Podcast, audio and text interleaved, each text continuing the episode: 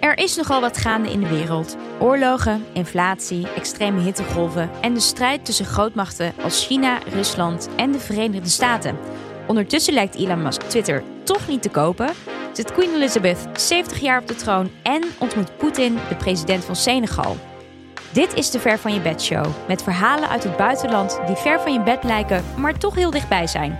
Ik ben Suzanne Ugel. En ik ben Jos de Groot en wij houden je op de hoogte van alles wat zich afspeelt buiten jouw bubbel.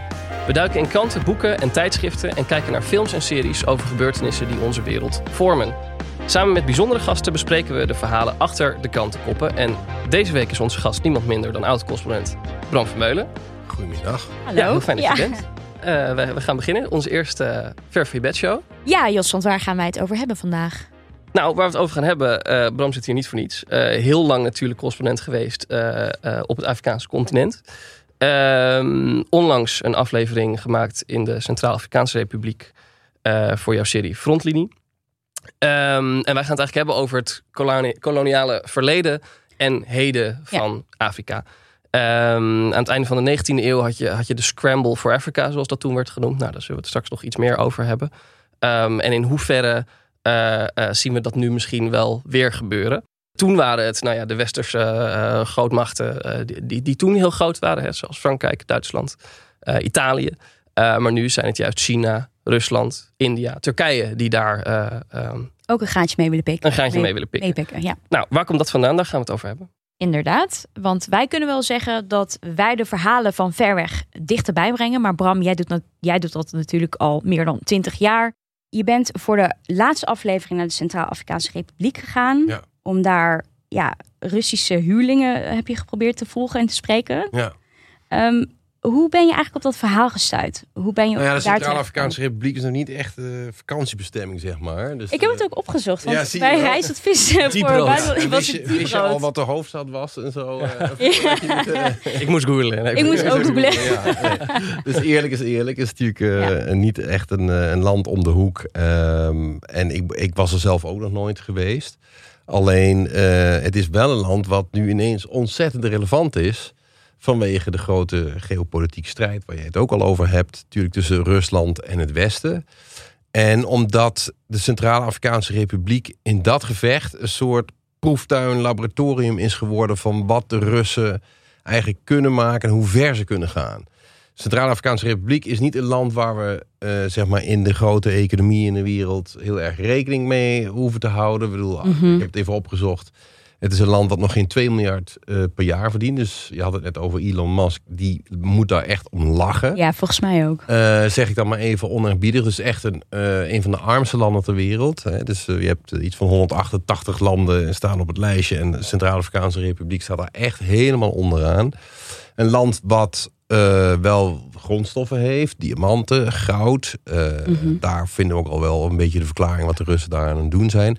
Maar vooral een land waar, waar ehm, de Russen zeg maar echt dingen kunnen gaan uitproberen.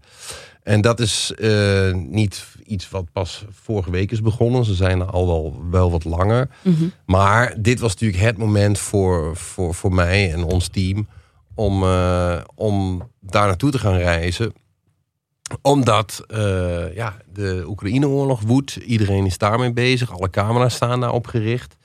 Eh, en ik ben zelf ook in Oekraïne geweest de vorige aflevering. Maar ik dacht, ja, ik vind het nu toch wel heel erg belangrijk om te gaan kijken wat daar aan de hand is. En de Centraal-Afrikaanse Republiek moet je gewoon als een voorbeeld zien. Want de Russen zijn niet alleen daar actief. Ja. Eh, ze zijn in heel veel andere Afrikaanse landen actief. En het is echt een beweging die je heel erg in de gaten moet houden. Want het, het is niet niks. Wat ik- Nee. Eh, even weer terug naar Nederland. Dus je hebt natuurlijk heel lang in het buitenland ook gewoond. Ja. Hoe is het eigenlijk om in Nederland weer te wonen na zo lang? Heel in gewoon. Ja? Ja, net zo gewoon als voor, voor jullie. Ja, dat doe je zo. Ja. Dus je stapt in het vliegtuig en dan ben je ineens weer thuis. Dat is, eh, Dat is echt bijzonder, want ik moet altijd heel erg acclimatiseren als ik langer dan een maand weg ben uit Nederland. Maar jij, Ja, voor ja. jou is dat gewoon. Nee, maar dat is ook zo. Dus de, op, moment... Nederland is wel thuis, zeg je. Ja, nou ja, maar kijk, op het moment dat ik in Zuid-Afrika ben, dan is dat gewoon de, hè, je leven. En, eh, en, en ik heb een tijd in Turkije gewoond. eh, dus ik ben het wel een beetje gewend om, om te verhuizen, zeg maar. Ja. Eh, maar ik- ja, ik ben hier eind december aangekomen. En het was natuurlijk echt vreselijk koud en naar geestig weer. En zo. Oh ja, dat is echt een rotse periode. voor mijn bakkes. maar nee, dat, ik wist waar ik aan begon. En ja, uh, ja 20 jaar van huis is, is, is best al lang. Dus het is ook alweer gezond om gewoon hier een beetje rond te, te fietsen. En dan, en dan merk je gewoon ook weer van... Uh, toen ik in het buitenland zat, kon ik al best wel afgeven op Nederland. Mm. Kortzichtigheid en al dat soort dingen. Ja, ja, ja. Maar als je dat hier bent, denk je... Goh, het is toch eigenlijk uh, makkelijk land om te leven. Dus Ik heb weer een hele nieuwe fietservaring. Het is echt, echt een nieuwe fietservaring. Dat je de fiets in deze stad gewoon echt overal doorheen chased. En uh, ik, ik, was... Ik, was, uh, ik vind dat verschrikkelijk. Hier in Amsterdam gewoon bedoel je? Ja. Het is niet te doen, toch? Nee, ik vond het ontzettend goed te doen. Twintig jaar geleden waren er nog geen Van Moofs. Uh, nee, nee. Zeg maar, even zeggen. Nee, maar, maar, maar, in ja. tien minuten van, van, van het centrum naar Noord met een pontje... denk je, jezus jongens, wat een luxe. Ja. Want in, in Kaapstad word je natuurlijk gewoon van je sokken gereden. Ja, precies. dus daar geniet ik dan weer ineens heel erg van. Dat is wel mooi. En dus daar van kan genieten. Terwijl wij alleen maar zeiken over Van Ik klaag altijd over hoe idioot het fietsverkeer in Amsterdam is. Ja. Gewoon zelf in Utrecht. Het is, het is wel druk. Het is wel druk. Maar ik snap jou ook. En het is wel wat anders dan het verkeer in Kaapstad. Ja. dat is waar. Dat is waar. Nou, we gaan zo natuurlijk ook uh, verder praten over uh, de Centraal-Afrikaanse Republiek en de Zeker. Russen daar. Maar ik dacht, Jos, misschien wel handig als wij ook even vertellen wie wij zijn. Wie zijn wij? wie zijn wij inderdaad?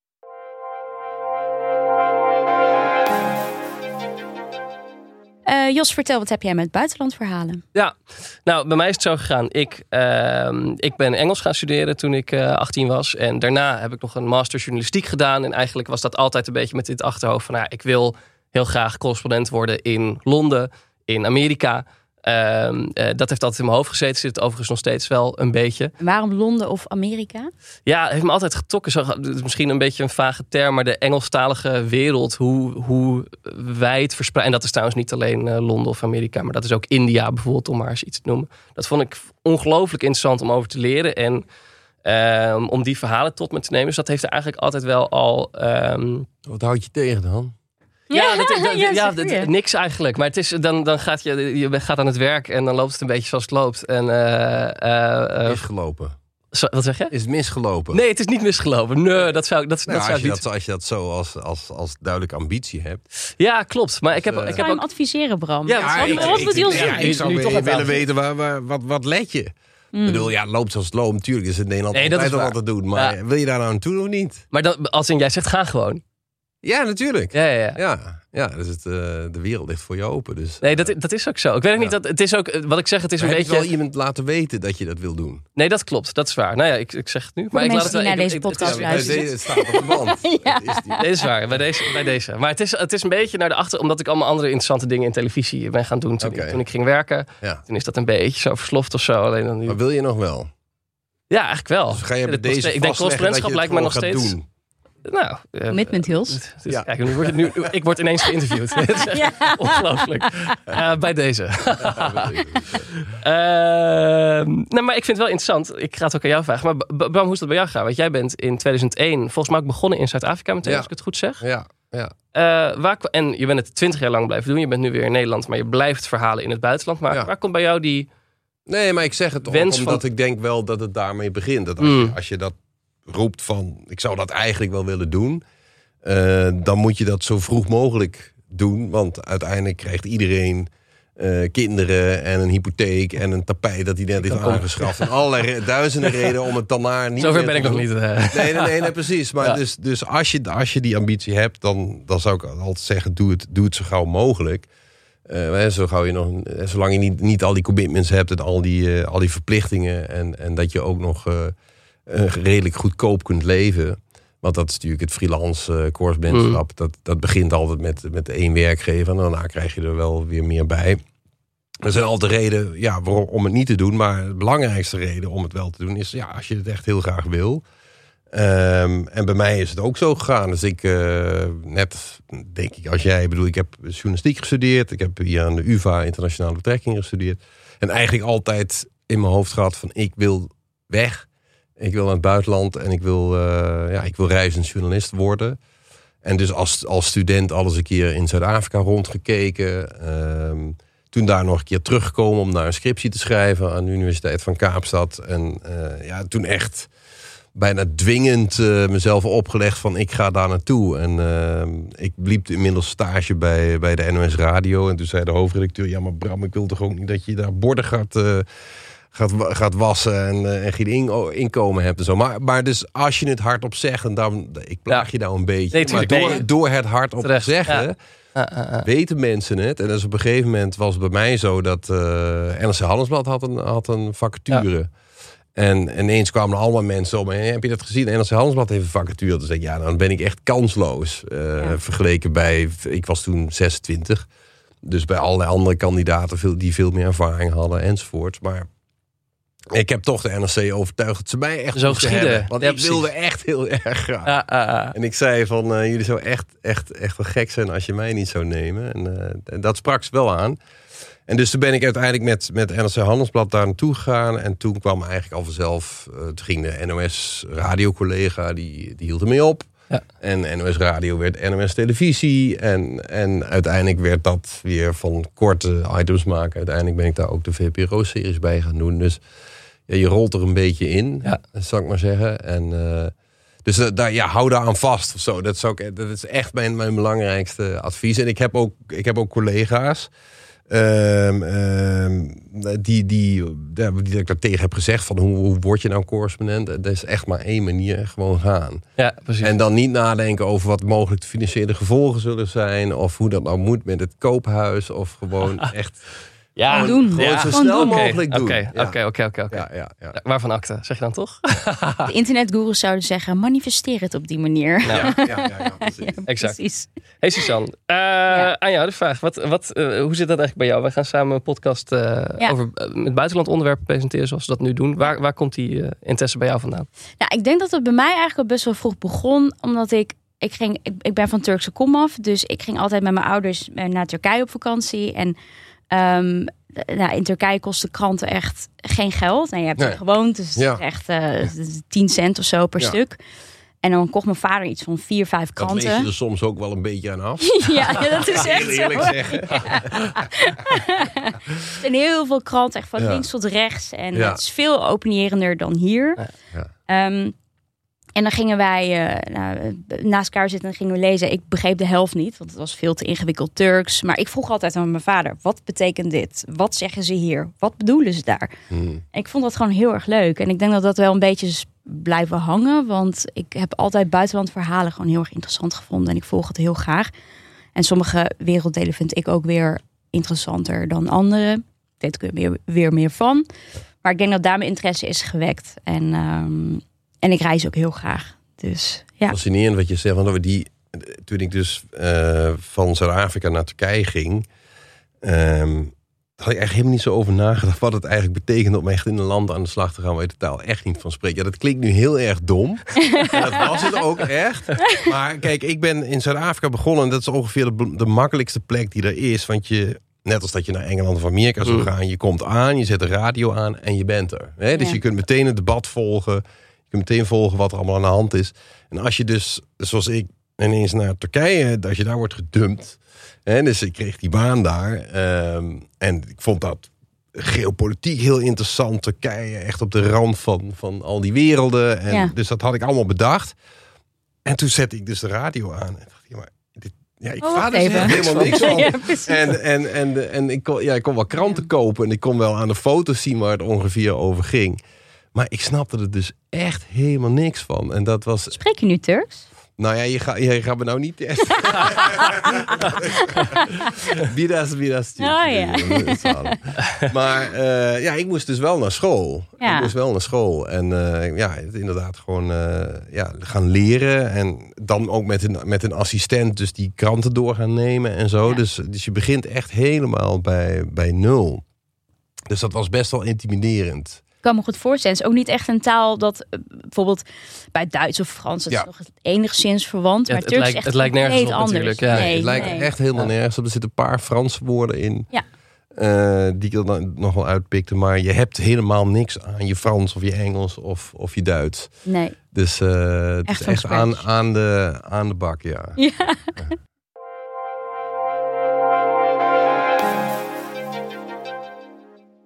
In Zuid-Afrika rijden ze links en de munteenheid in bijvoorbeeld Senegal, Ivoorkust en Mali is de West-Afrikaanse frank. Het zijn overblijfselen van de lange koloniale geschiedenis van het Afrikaanse continent.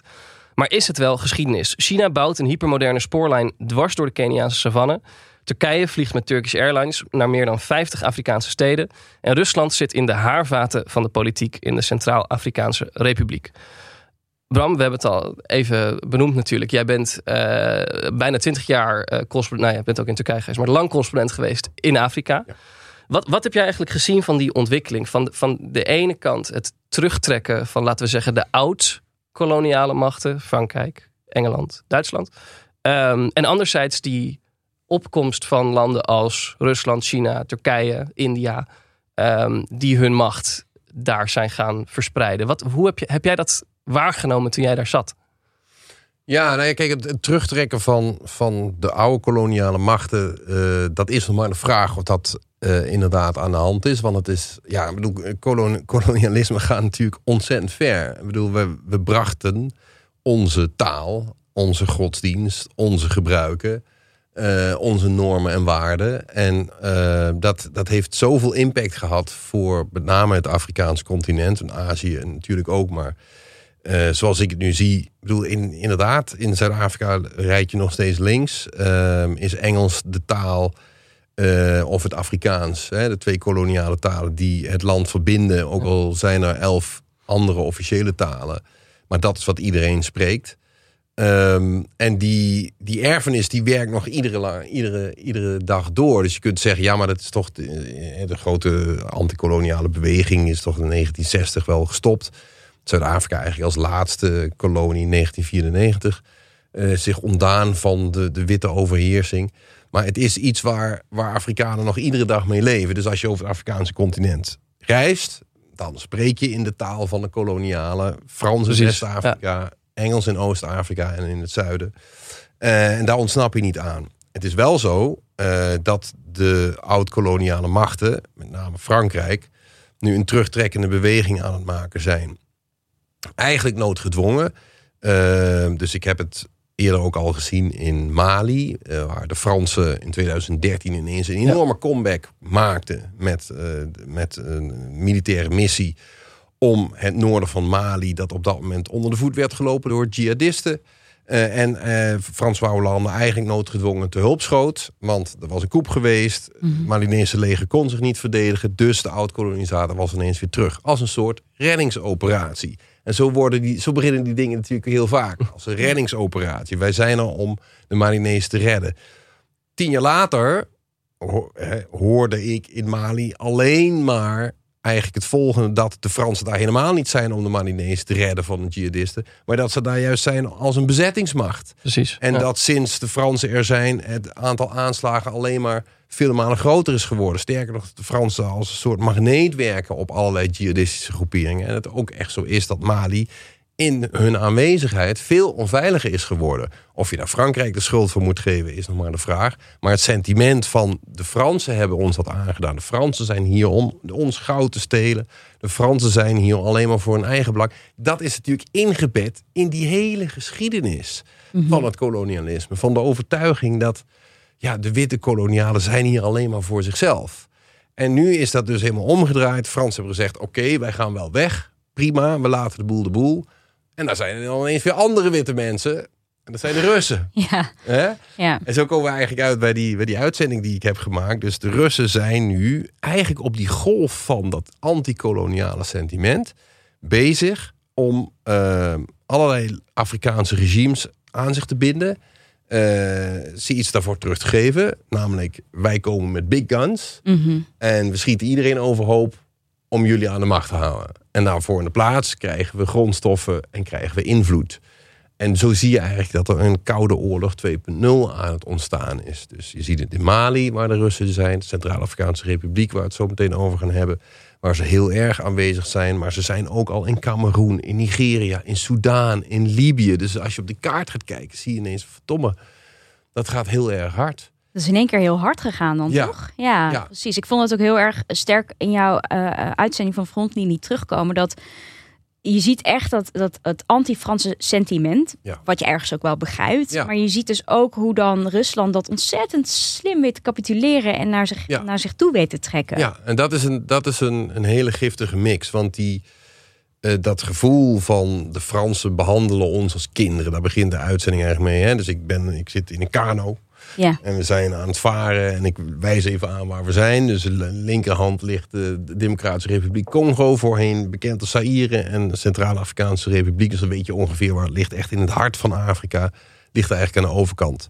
En eh die jongen die, die mij over de, de Ubangui-rivier vaart, die, die eigenlijk, daar hoef ik alleen maar een kwartje in te gooien. Die begint Precies, meteen, begint, die, ja. Fransen, die Fransen behandelen ons als kinderen. Ja. En domineren ons nog steeds en, en maken ons afhankelijk. En dat is een sentiment daar, dat daar heel erg breed wordt gedragen. Nou is de Centrale Afrikaanse Republiek is wel een heel bijzonder geval in de kolonisatie. Want eigenlijk kun je zeggen dat het tegen wil en dank is gekoloniseerd. Even een stukje geschiedenis. Ja, Je had heel het al graag. even Vinden we altijd leuk. Scramble. Ja, ja, de scramble. Eh, ja, dus de, de Scramble for Africa was natuurlijk 1885. Heb je die beroemde conferentie in Berlijn gehad. Daar zaten allemaal witte mannen aan tafel. Niet één Afrikaan. Ja. Eh, ik bedoel, het, idee alleen het is al. echt bizar Ja, hè, eigenlijk als je daar dus de- nadenkt. Ja, dus, dus de Britten, de Duitsers, de Fransen... gewoon even een continent eh, voor zichzelf gingen opdelen... als een soort taart, echt met een liniaal. Dan heb je die idiootrechte grens al. Ja, dat zie je ook allemaal, hè. Echt ook. Wat, ze allemaal nog, wat ook rechte allemaal nog steeds Ja, maar dat zo steeds is. zo bestaat. Ja. Zo in Iedereen moet daar maar leven. En Ja. zijn allemaal grenspostjes en zo. Ja. Nou, in die, die Scramble for Africa is eigenlijk zo gegaan... dat de Fransen die kwamen vanuit West-Afrika. hè, Dus vanuit Senegal rukten die op richting de Rode Zee. Dus van West, helemaal West-Afrika naar het oosten. En de Britten kwamen vanuit het noorden. Dus hè, de Egypte zakte af naar de Soudaan. Mhm. En ook vanuit het zuiden. Hè, dus vanuit Ja. Zuid-Afrika. En Die wilde een je- spoorlijn van Cairo tot Spoorlijn, Kaapstad Ja. hebben, hebben van. Roads, de Ja. Cape to Cairo. Ja. Zo, dus de, die twee bewegingen. En die vonden elkaar in Soudaan. Dus de, de, de, de, legers van Kitchener en de, en de Fransen eh, hebben elkaar in Soudaan gevonden. En de Britten hebben die slag gewonnen. En toen moesten de Fransen hun wonden likken. En toen hebben ze zichzelf eigenlijk teruggetrokken, een beetje westelijk. En toen kwamen ze uit in het gebied wat wij nu kennen als de Centraal-Afrikaanse Republiek. Ja. De hoofdstad Bangui die ligt echt aan een rivier op een punt waar de boten ook niet verder meer konden. Dus ze noemen dit wel de doodlopende straat van het Franse kolonialisme.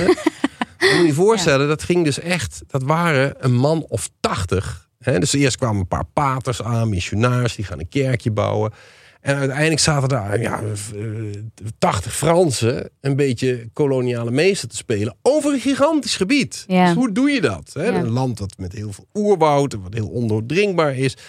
Dus wat ze hebben gedaan is eigenlijk meteen die kolonisatie, die hebben ze geprivatiseerd. Dus ze hebben dat enorme gebied, hebben ze gewoon opgedeeld in 15 concessies. En dat is allemaal eh, weggegeven aan particuliere bedrijven. Dus moet je je voorstellen, dan krijg je een bedrijf die gaat een wildpark runnen. Of je krijgt een bedrijf die gaat een mijn runnen. Diamantmijn, goudmijn, alles wat er te vinden is. En zo weten de Fransen een beetje aan belastingen wat te verdienen enzovoort. Maar het is dus dat hele kolonialisme, je moet je niet voorstellen dat dat gigantische leger met tienduizenden mensen zijn. Dat je dus gewoon een land inpikt met een man of tachtig. Ja. Echt idioot niet te idee. doen, joh. Ja. En dan, nou, En het er van verleden dat, het- dat het in een ja. stap eerder nog niet, nog niet was gebeurd. Want er was natuurlijk wel al wat westerse activiteit in Afrika. Omdat ze havens nodig hadden voor de, voor de route naar India. Of voor de Ja. slavenhandel eerder nog natuurlijk. Ja. Alleen ze zijn helemaal nooit het binnenland ingegaan. Hebben ze helemaal nooit aangedurfd. Konden ze eigenlijk ook niet. Ze hadden gewoon handelsafspraken met, met locals daar. Ja. En toen opeens was het van hen. En, nou ja, eh, zo is het natuurlijk. Dus die, de, de, de, er werd al in slaven gehandeld. Je had daar eh, Arabische stammen. eh, Je had uit het huidige Tjaad, Soudaan. Daar werd al veel. hè, dus, de- dus dit zijn echte binnenlanden waar heel veel slaven vandaan zijn gehaald. En de, en de Fransen hebben daar gewoon op aangehaakt. Ik heb gelezen in mijn research dat binnen de eerste 50 jaar dat de Fransen daar waren, de bevolking is gehalveerd. Ja. Dat is dus Ja. echt een ongelooflijk What the idee. fuck? Ja, Echt idioot. Dus, dus door deportaties, door. Hè, er moesten treinrails worden gebouwd, zoals Ja. altijd. Hè, het kolonialisme was altijd met sporen, treinsporen moesten worden aangelegd. Er kwamen heel veel mensen om het leven. Er werden mensen in strafkampen eh, gestopt. Gehalveerd. Dus het hele idee van die kolonisatie is zo onwaarschijnlijk vreed en, en, en, en egoïstisch. Ja. En dat op dat sentiment van Afrikanen die zeggen genoeg is genoeg en we zijn er helemaal klaar mee. Ja. daar komen die Russen ineens. Want dat vond ik ook een van de sterkste eh, scènes ehm, eh, in frontlinie. Dat was toen jij naar een eh, klas ging waarbij ehm, de Russische consul Ja. geopolitieke les gaf. Ja. En eh, nou, een van die deelnemers die zegt ook van we zijn eh, de Fransen helemaal zat en we zijn niet de enige. Er zijn Ja. meer landen die de Fransen helemaal zat zijn. Ja. En vervolgens ehm, ehm, heb jij achteraf een gesprek met ehm, deze consul. En Ja. daar ga ik ook een stukje van laten luisteren. Why is, is, is Russia here at the, at the moment? We cooperate in uh, the sphere, in the field of education. Uh, we prepare Central African uh, militaries in Russia. What's in it for Russia? What, why, Security why is it isn't my important for you? The first thing is support in uh, the UN.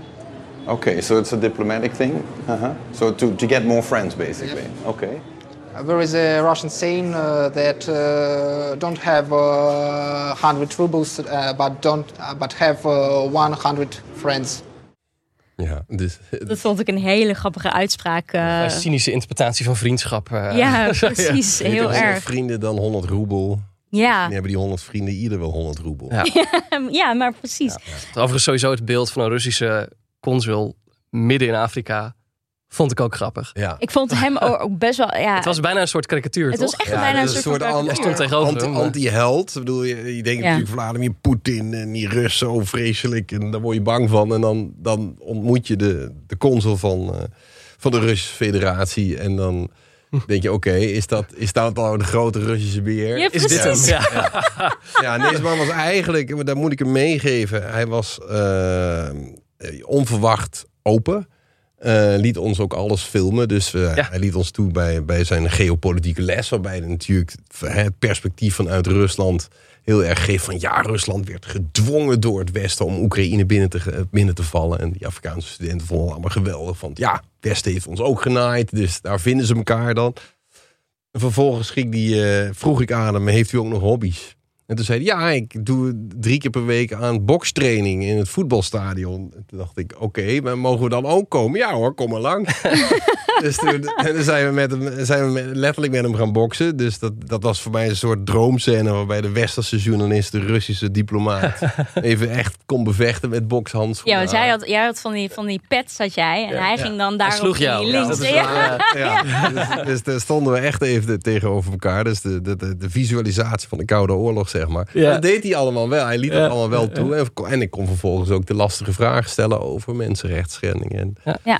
en dat soort dingen. vond ik heel knap hoe hij daar op een hele soort van diplomatieke manier omheen wist te praten. Want eh, over, so- je hoort ook over soft power en hard power. Ja. Wat hij natuurlijk doet is heel erg soft power. Hè? Mensen onderwijzen. ehm. Maar je hebt ook hard power. Dat zijn de Russische huurlingen die natuurlijk de president daar beveiligen. Daar heb je ook mee geprobeerd te praten. Ja. Iets minder succes. Iets minder succesvol, ja. om ze te kunnen spreken. Ja, ja. Nou, Ja. er, wa- er was ooit een, een tijd dat dat wel kon. Dus de Russen trainen tussen aanhalingstekens daar officieel de troepen van de Centraal-Afrikaanse Republiek. Nou, met trainingen zijn, is heel veel ellende begonnen, weten we van Irak en Afghanistan. Hè? Ja. Dat, we- dit is altijd een beetje een eufemistisch manier om te zeggen dat we daar gewoon aan het vechten zijn. Zij trainen daar echt de, die militairen. Daar konden vroeger ook wel journalisten bij aanwezig zijn. Maar toen we ze daar nu om vroegen, eh, werd ons gezegd door het hoofd van Wagner: sorry, maar dit is niet de tijd. Eh, dus, eh, waarom, waarom nu niet? nou ja, omdat de Oekraïne-oorlog natuurlijk eh, gaande Ja. is. ja, ja, ja. Dus daar hadden we graag bij willen zijn. Daar kwamen we niet bij. En toen hebben we... Even Wagner, dat is de naam van de, Ja, van de militie eigenlijk van, Ja. van Poetin die daar zit. Hè? Wagner is eigenlijk een verzamelnaam van eh, inderdaad eh, een pri privélegers. eh, huurlingen die we hebben gezien in de oorlog van Syrië. Daar zijn ze eigenlijk begonnen. Dus daar werden ze. Hè, dat is eigenlijk de, de privatisering van oorlog. Je hebt en de Russische legersoldaten. En dan heb je een huurlingengroep, wat je wel vaker ziet, ook in Irak en Afghanistan, zoals Blackwater. Die daar dan ineens geld aan ga- gaan verdienen met de lastige klussen. Dus we zien ze nu in Syrië, we zien ze nu ook in Oekraïne, in de Donbass. Zijn ze ook heel actief. En we zien ze nu op allerlei plekken in Afrika opduiken. Dus in de Centraal-Afrikaanse Republiek, heel veel zitten er daar. Eh, in Libië zaten ze ook al. Eh, in Mali zien we ze nu opduiken. In Cameroen. Eh, dus dat gaat, dat gaat vrij hard. En ja, ze hebben een nogal beruchte reputatie qua mensenrechten schendingen. En eh, dat wordt ons ook uitgelegd door een van die ministers daar die zeggen van ja, we, we zijn heel blij met Wagner, want wij willen onze vijand met zo bruut mogelijke methode Ja, Eh, echt vernietigen. totale vernietiging Totale is wat wij vernietiging, ja. Zonder de Russen, zegt hij, hadden wij geen staat meer gehad. De Centraal-Afrikaanse Republiek is een land waar al meer dan vijf staatsschepen zijn geweest. Heel veel rebellen vanuit Mm. het noorden voortdurend eigenlijk die macht grijpen.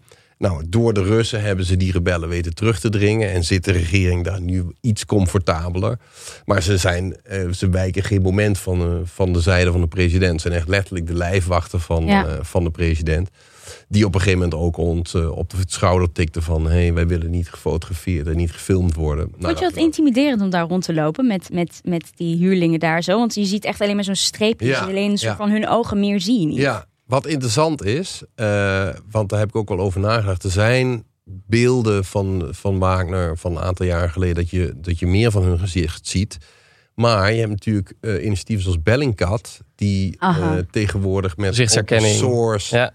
Dus de hele MH17 hebben weten te reconstrueren door foto's die er online bestaan. Ja. Dus zij zijn heel erg bang dat ze worden gefotografeerd en dat ze daardoor eh, geïdentificeerd kunnen worden Mhm. door wie ze zijn. Dus die houden voortdurend dat masker, Ja. zonnebril op. En keken ook heel erg boos elke keer, want mijn cameraman. eh, Je hebt ze zeker wel gedraaid. ja, die, bleef- die bleef maar heel dicht op jaar, dus tot grote irritatie. Oh jeetje. Ja, ja maar eh, nee, dus uiteindelijk, ze hebben ons wel gewaarschuwd, maar uiteindelijk hebben ze ons met, met rust gelaten. Dus het hoeft ook niet groter te maken dan, dan dat het is.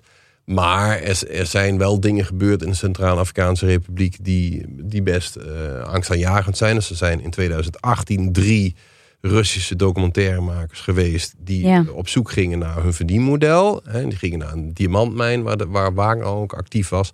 Die zijn daar vermoord. En eh, die moord is nog altijd niet opgehelderd. Tadaa. Hè, dus kun je zeggen, oh, is die rebellengroep groep geweest. Of is Ja. het toch Wagner geweest? De, de, de- op het moment dat we daar waren, hoorden we ook over een Centraal-Afrikaanse journalist die, die is omgekomen. Ehm, schuim om de mond, eh, vergiftigd zou kunnen. Er is Ja. geen autopsie gepleegd. Dus het blijft allemaal een beetje zo, eh, zo hangen dat je denkt van oeh, Mm. ehm, je moet je niet al te vervelende vragen eh, stellen. Het lijkt me wel wel moeilijk als journalist, want je wil wat laten zien, maar tegelijkertijd denk je ook, als ik nu een grens overga, Ja. dan kan het ook mijn leven kosten. Ja, ja, dus waar ligt dat dan? Precies, Dus, ja. ehm, ik, ik denk dat die bij het verdienmodel ligt. Mhm. Eh, dus wij weten dat eh, ze heel erg actief zijn in de diamantmijnen. Daar hebben we ook al ehm, een aanvraag voor gedaan om naar zo'n diamantmijn te gaan. Maar dan geeft de regering je alleen toestemming om naar een diamantmijn te gaan waar de Russen juist niet zijn. Ja, precies. Ah, ja. Dus daar heb je niet zoveel aan. Dan zit je Ja. wel een halve dag in de auto. Eh, maar de mijnen waar ze wel actief zijn, dat is ook waar die Russische documentairemakers om het leven zijn gekomen. Daar, ja, daarvan zegt iedereen: don't go there. Ja. Want misschien is wel de kernvraag toch al ergens ook van wa- wa- waarom, waarom doet Rusland dit? Waarom willen ze zo Ja. in, wat in die haarvaten zitten Ja. van de politiek? Jij, jij hebt een gesprek gehad met eh, de president ook eh, van de Cent- Centraal-Afrikaanse Republiek. Die behoorlijk geïriteerd was op Die jou. behoorlijk geïriteerd was over door de jou de vraag ja, precies. Dus het gaat weer over de Russen. Ja. Eh, waarom zijn zij daar zowel inderdaad qua, nou ja, ik zou het indoctrineren noemen, hè, de soft power, de lessen, de, Ja. eh, de propagandafilms die ze daar aan hele dorpen laten zien. Anderzijds zijn ze nu militair aanwezig. Maar Ja. wat what's in it for them? Ja, dus de, kijk, aan de ene kant, ik bedoel, bij alles in de wereld draait het natuurlijk om geld. Eh, dat, moet, dat moeten we nooit onderschatten. Dus een huurlingenleger moet betaald worden. Eh, de Centraal-Afrikaanse Republiek heeft niet veel geld, maar heeft wel diamanten, heeft wel goud. Eh, diamanten zijn klein, hè, kleine steentjes, daar kun, je, daar kun je vrij veel mee. Laten we maar zeggen, onder, onder de tafel.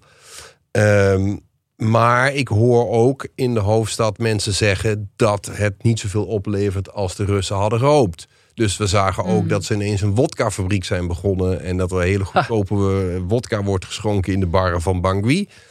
En dat ze ook een restaurant zijn begonnen met een menukaart in het Cyrillisch. Ook niet echt heel handig voor, eh, voor, voor de, De lokale, eh, voor de locals, nee. Ja, ehm, eh, ik hoorde dat ze dus een vliegmaatschappij wilden beginnen. Nou, dus, dus, dus, dus kennelijk is er een nieuwe scramble aan, aan, aan de gang. Dat, dat de, de rekeningen niet allemaal betaald worden. En dat ze nu dus echt een beetje aan het worstelen zijn.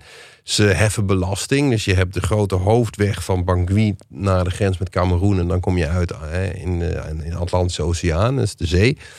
Ehm, die wordt inmiddels ook bemand, al die roadblocks. En daar wordt gewoon belasting eh, gegeven. Dus, hè, dus iedere vrachtwagenchauffeur die er langs komt, die Ja. moet een stukje belasting betalen. Zo dus. Maar dat, ja, hoeveel levert dat op? Dus nu zijn ze ook alweer bezig in, eh, in Mali, eh, in Libië. Het, ik bedoel, het, je kunt met oorlog veel geld verdienen. Maar eh, van een kale kip kun je niet plukken. Precies, je zegt Ja. net zelf eh, Ja. hoe, hoe, hoe arm het land is. Ja, dus, dus, dus dan is er nog iets anders aan de hand. Eh, inderdaad, vrienden krijgen. Eh, we hebben gezien dat er in de VN-veiligheidsraad... eh, toen de oorlog in Oekraïne begon, is er een stemming geweest. En zagen we ineens dat er heel veel Afrikaanse landen... in elk geval zich hebben onthouden van stemming. Precies. Ze hebben niet Ja. tegengestemd. Dat was alleen maar Eritrea. Wat een soort Noord-Korea. Die, die haten het Westen zo erg. Dat ze sowieso voor Rusland stemden. Maar heel veel eh, Afrikaanse landen, waaronder de Centraal-Afrikaanse Republiek, hebben zich in elk geval onthouden. Dus dat helpt alweer Rusland in de VN-veiligheidsraad. En het is ook een beetje spel. Kijk, eh, die hele oorlog in Oekraïne, waar draait die nou om? Eh, die draait om dat wij gaan geloven dat Rusland een ongelooflijke grootmacht is die wij allemaal hebben onderschat. En dat die Poetin veel erger is dan we allemaal hebben gedacht. Nou, dat is nog maar de vraag of dat werkelijk zo is. Ik bedoel, zo geweldig gaat het allemaal niet in de Oekraïne. Maar door die verhalen die, nou ja, die ik nu maak en anderen... krijg je natuurlijk ineens wel de indruk dat Rusland is back. Weet je wel? Rusland eh, is weer de Sovjet-Unie. In de jaren 60 hebben ze ook eh, heel veel Afrikaanse bevrijdingsbewegingen geholpen in Afrika. Het ANC en SWAPO en, en UNITA, al die bewegingen leunden enorm op de, de macht van Moskou. De Koude Oorlog is in Afrika uitgevochten. En dat zie je nou weer. En het is tot grote irritatie van de, met name de Fransen dat, dat de Russen daar nu zo bezig zijn. Ik bedoel, ze, ze zoeken echt de confrontatie met de Fransen. Om een heel klein voorbeeldje te geven. Ja. Er is in Mali is er vorige maand zijn er ineens lijken opgegraven. Dit gaat echt heel ver hoor. Er zijn lijken opgegraven. Daar hebben de Fransen gezien. Met satellietbeelden hebben ze foto's van gemaakt. En die lijken zijn naast een Franse legerbasis gelegd. Ja. Eh, zodat in de, op de sociale media verteld kon worden dat de Fransen heel veel burgers hebben vermoord. Dat Ja, gaat heel ver. Dat En- gaat heel dat ver. gaat heel ver. En, Ja. en op die foto's is te zien dat daar Caucasische witte soldaten aan het graven zijn. Dus dat dat waarschijnlijk weer Wagner is. Om dus die golf van antikoloniale gevoelens, anti-Franse gevoelens nog meer. ehm, dus, het is, dus Rusland zoekt echt de confrontatie met Frankrijk. Probeert echt de, de gevoelens van de bevolking op te zetten tegen Frankrijk. Dus ja, dit is, een, dit is, echt, ja, dit is echt de koude oorlog die daar gaande is. Jij hebt op een gegeven moment ook een gesprek met de president van de eh, Centraal-Afrikaanse Republiek. Ehm, en hij zegt eh, de, de prachtige zin van eh, als je huis in brand staat, Ja. eh, dan moet je geen vragen stellen over de kleur van het bluswater. Ja, precies, Als ik, ja. als ik het goed zeg. En erg, ergens begrijp ik dat ook wel. Ja. Vanuit zijn perspectief Nou ja, denk dat, ik. dat ja. wilde ik eigenlijk opgooien van. ehm, eh, ik was best wel. eh, wat, ja, wat moet dat land? Weet je wel? Ja. Het is super arm. Het is zodra die, eh, de Russen weg zijn, dan zal er morgen zal er een staatsgreep plaatsvinden. En dan eh, is het waarschijnlijk ook Sodom en Gomorra, zeg ik maar even. Dus wat. Ja, ik zou bijna zeggen logisch dat je met zo'n Ja, ja. zo'n grote boef dat als Rusland in zee gaat. De, de intentie van de uitzending is ook niet om te zeggen... de Russen zijn alleen maar de bad guys. Want Mm. je ziet ook wel, je snapt ook wel de irritatie die er is... over de Fransen in het land. De hele koloniale geschiedenis. Plus het feit dat de Fransen eigenlijk geen vinger hebben uitgestoken... Nee. op het moment dat het land onder de voet werd gelopen door de rebellen. Sterker nog, er is een internationaal wapenembargo afges- eh, afgesproken... waardoor deze regering zich ook niet meer kon verdedigen. En daar zijn de Russen eigenlijk een beetje omheen gesurfd... en die hebben gezegd, wij regelen dat wel Ja. voor jullie. Dat is eigenlijk wel te begrijpen Ja. dat, dat, dat die regering zegt... ja, nou, Rusland, dank je wel. Wie ons ook wil helpen, alle hulp is welkom. En dat, daar maken de Russen natuurlijk heel erg slim gebruik van. En tegelijkertijd zie je ook wel een beetje het failliet van... Nou ja, de internationale gemeenschap, de, Ve- de Verenigde Naties zitten daar ook. Die hebben een, een missie die ongeveer anderhalf miljard dollar per jaar kost. Mhm. En tegelijkertijd elke keer als er een dorp werd aangevallen... niks uitricht, niks Oh, doet. dat is zo. Maar dat zie je echt ook in, in allerlei andere oorlogen. Ja. Dat dat ook de kritiek is Ja. op de VN. Dat ze Ja, gewoon. het kost handenvol Ja. met Wat doen ze dan hier? Ja. Precies, Eh, wat doen er ze zijn dan natuurlijk hier? de, de, de schandalen over eh, vrouwenmisbruik, Zeker, kindermisbruik. ja. Ja, ook dat nog. gebeurt natuurlijk overal waar, waar soldaten zijn. Maar zo'n VN-missie, ik bedoel, we zijn, we zijn op, dat zit niet in de film. Maar we zijn eh, op een gegeven moment uitgenodigd door de VN om een patrouille met hun te gaan doen. Eh, in twee van die panzerwagens die dan heel onhandig over de markt rijdt. Tot grote irritatie. Van, wat moet je nou met... Ik zei, waarom ga je niet op de fiets? Weet je wel? Laat even de blauwe helm op een leuke manier zien. Dan gaan ze met een panzerwagen door een hele drukke markt rijden. Vervolgens krijgt die, breekt er een wiel van die panzerwagen breekt af. Dus die auto komt ook nog stil te staan midden op de straat. En ik Oh. zei van, nou, dit is nu echt het symbool voor de. Ja. Ja. in Afrika, weet je wel. Het is anpan, het is kapot. Het Ja. is het, het vertrouwen daarin. Wat doet die VN daar eigenlijk, behalve eh, ja, gewoon heel veel geld uitgeven aan, aan expats? Ik, bedoel, ik zeg het nu heel cynisch. Ik, ik heb ze ook in Oost-Congo gezien. Maar Je ze- wordt er ook wel een beetje cynisch van. Ja. ja, Ja. ik bedoel, het, het- je wordt een beetje cynisch van. Ze, ze doen ook goed werk, maar het kost wel ook heel erg veel geld. Ja, en dan, dan zijn zeg maar eh, die huurlingen van de Russen, die met een man of duizend ineens even orde op zaken komen. Dat is dan wel ineens heel erg effectief en waar voor je geld. Ja. En dat is het eigenlijk. Ja. Ik zie ook niet echt een andere weg voor hen. eh, eh, om met die Russen in zee te gaan met de, de- het lage eh, BBP wat ze hebben. Ja. Dus ja, wat is dan? Nee, die Russen die zijn daar nu. Jij hebt het gezien. Je hebt ook gezien hoe die Fransen daar nog met ja, lesjes en dingetjes ook nog wel aanwezig zijn. Maar hoe, hoe denk je dat dat land er over, over tien jaar Ja. bij ligt dan? Nou, ik denk dat het een hele zorgwekkende eh, ontwikkeling is. Omdat de Russen eh, in de Centraal-Afrikaanse Republiek, ook in Mali, nu komen er verhalen over dat ze gewoon echt hele dorpen van de kaart vegen. Hè? Dus er, er wordt op een gegeven moment gezegd, daar is een aanslag gepleegd, dan gaan ze heen, dan gaan ze niet, geen vragen stellen. We, we- we schieten gewoon iedereen neer. Daarvan hebben we getuigenis gehoord in de Centraal-Afrikaanse Republiek. Daar horen we ook over in Mali. Kijk, de Fransen hebben, hebben zich in Mali ook fouten gemaakt. Hebben bruiloften gebombardeerd, hebben ook burgerslachtoffers gemaakt. Maar worden vervolgens wel ter verantwoording geroepen door een vrije pers, door Exact, onderzoekscommissies. De Russen zeggen gewoon het is fake nieuws en daarmee is, daarmee is het Taalvrij spel. Dat Dus- is echt heftig. Ja, dat, Ja, dus dat dat- ook in de uitzending. zei, Ja, nee, dat, is des, dat klopt niet. Het is Ja, fake is nieuws. gewoon niet waar. Het is gewoon niet waar. En, ja. en dus het zorgwekkende van deze ontwikkeling is... eh, oké, de Fransen zijn weg. Daar komt een nieuwe witte man voor in de plaats... die helemaal geen verantwoording aflegt. Kijk naar Bucha. Kijk wat er nu in Oekraïne gebeurt. Dat vermenigvuldigt zich nu ook in Afrika. Eh, terwijl daar eigenlijk heel, heel weinig mensen op letten. We hebben het er nauwelijks over. En dit is een verschuiving van nou, echt eh, autocratische regimes... die hun eh, manier van gewelddadigheid aan het exporteren zijn. En dat is iets waar je, waar je heel erg scherp op moet blijven. Ik weet niet wat wij daar hier nu met deze podcast aan kunnen veranderen. Maar het is wel iets wat, wat, ja, wat in de gaten gehouden moet worden. Heb jij nog een tip die je mee wil geven? Iets wat je hebt gelezen, iets wat je hebt gezien, eh, iets wat je hebt geluisterd waarvan je denkt. ehm, dat moet je ook echt doen. Iets waar wij allemaal iets van opsteken. Tip voor onze Een tip luisteraars. voor onze luisteraars. En ook voor ons natuurlijk. Nou ja, dus, mocht je meer willen weten over hè, dat hele onbekende land, eh, de Centraal-Afrikaanse Republiek, lees dan vooral Louisa Lombard, State of Rebellion, die eigenlijk uitlegt hoe dit land tot stand is gekomen en hoe we zijn gekomen waar we, waar we nu zijn. Eh, lekker in depth, hè, de- waardoor je, en als je deze podcast hebt geluisterd, denk nee, maar wacht, daar wil ik echt meer van weten. Ook dat boek even lezen. Goeie tip. Goed, Gaan we doen. tof. Toch? Ja. Nou, zeker. Superleuk dat je er was. Gedaan. Ja, fijn ja, man. Echt eh, dankjewel. mooi eh, om je in onze eerste uitzending. En we kijken uit naar eh, een volgende frontlinie. En eh, Ik ook. kom nog eens terug. Als, Ja, eh, precies. mooi Kom nog eens terug. Zeker. goed. Leuk. Onze eerste zit erop, hè Jos? Zeker. Ben jij in het buitenland, ver van je bed? Eh, heb je een prangende vraag? Laat het ons dan weten. Dat kan via Twitter op ver van je bedshow. Of via ons Instagram-account. En daar heten we ver van je bedshow podcast. Want ver van je bed is daar al eh, vergeven. Door ook nog iemand die we kennen, ben ik achtergekomen. Oh, echt? Oeh. Dit was de Ver van je bed show, een podcast met verhalen uit het buitenland die ver van je bed lijken, maar toch dichtbij zijn. Volg ons in je favoriete podcast-app. Ver van je bedshow is een productie van Dag en Nacht Media. Redactie door Timo Harmelink. Edit door Jeroen Sturing. En muziek is van Lucas de Gier. Volgende week zijn we er weer. Tot dan!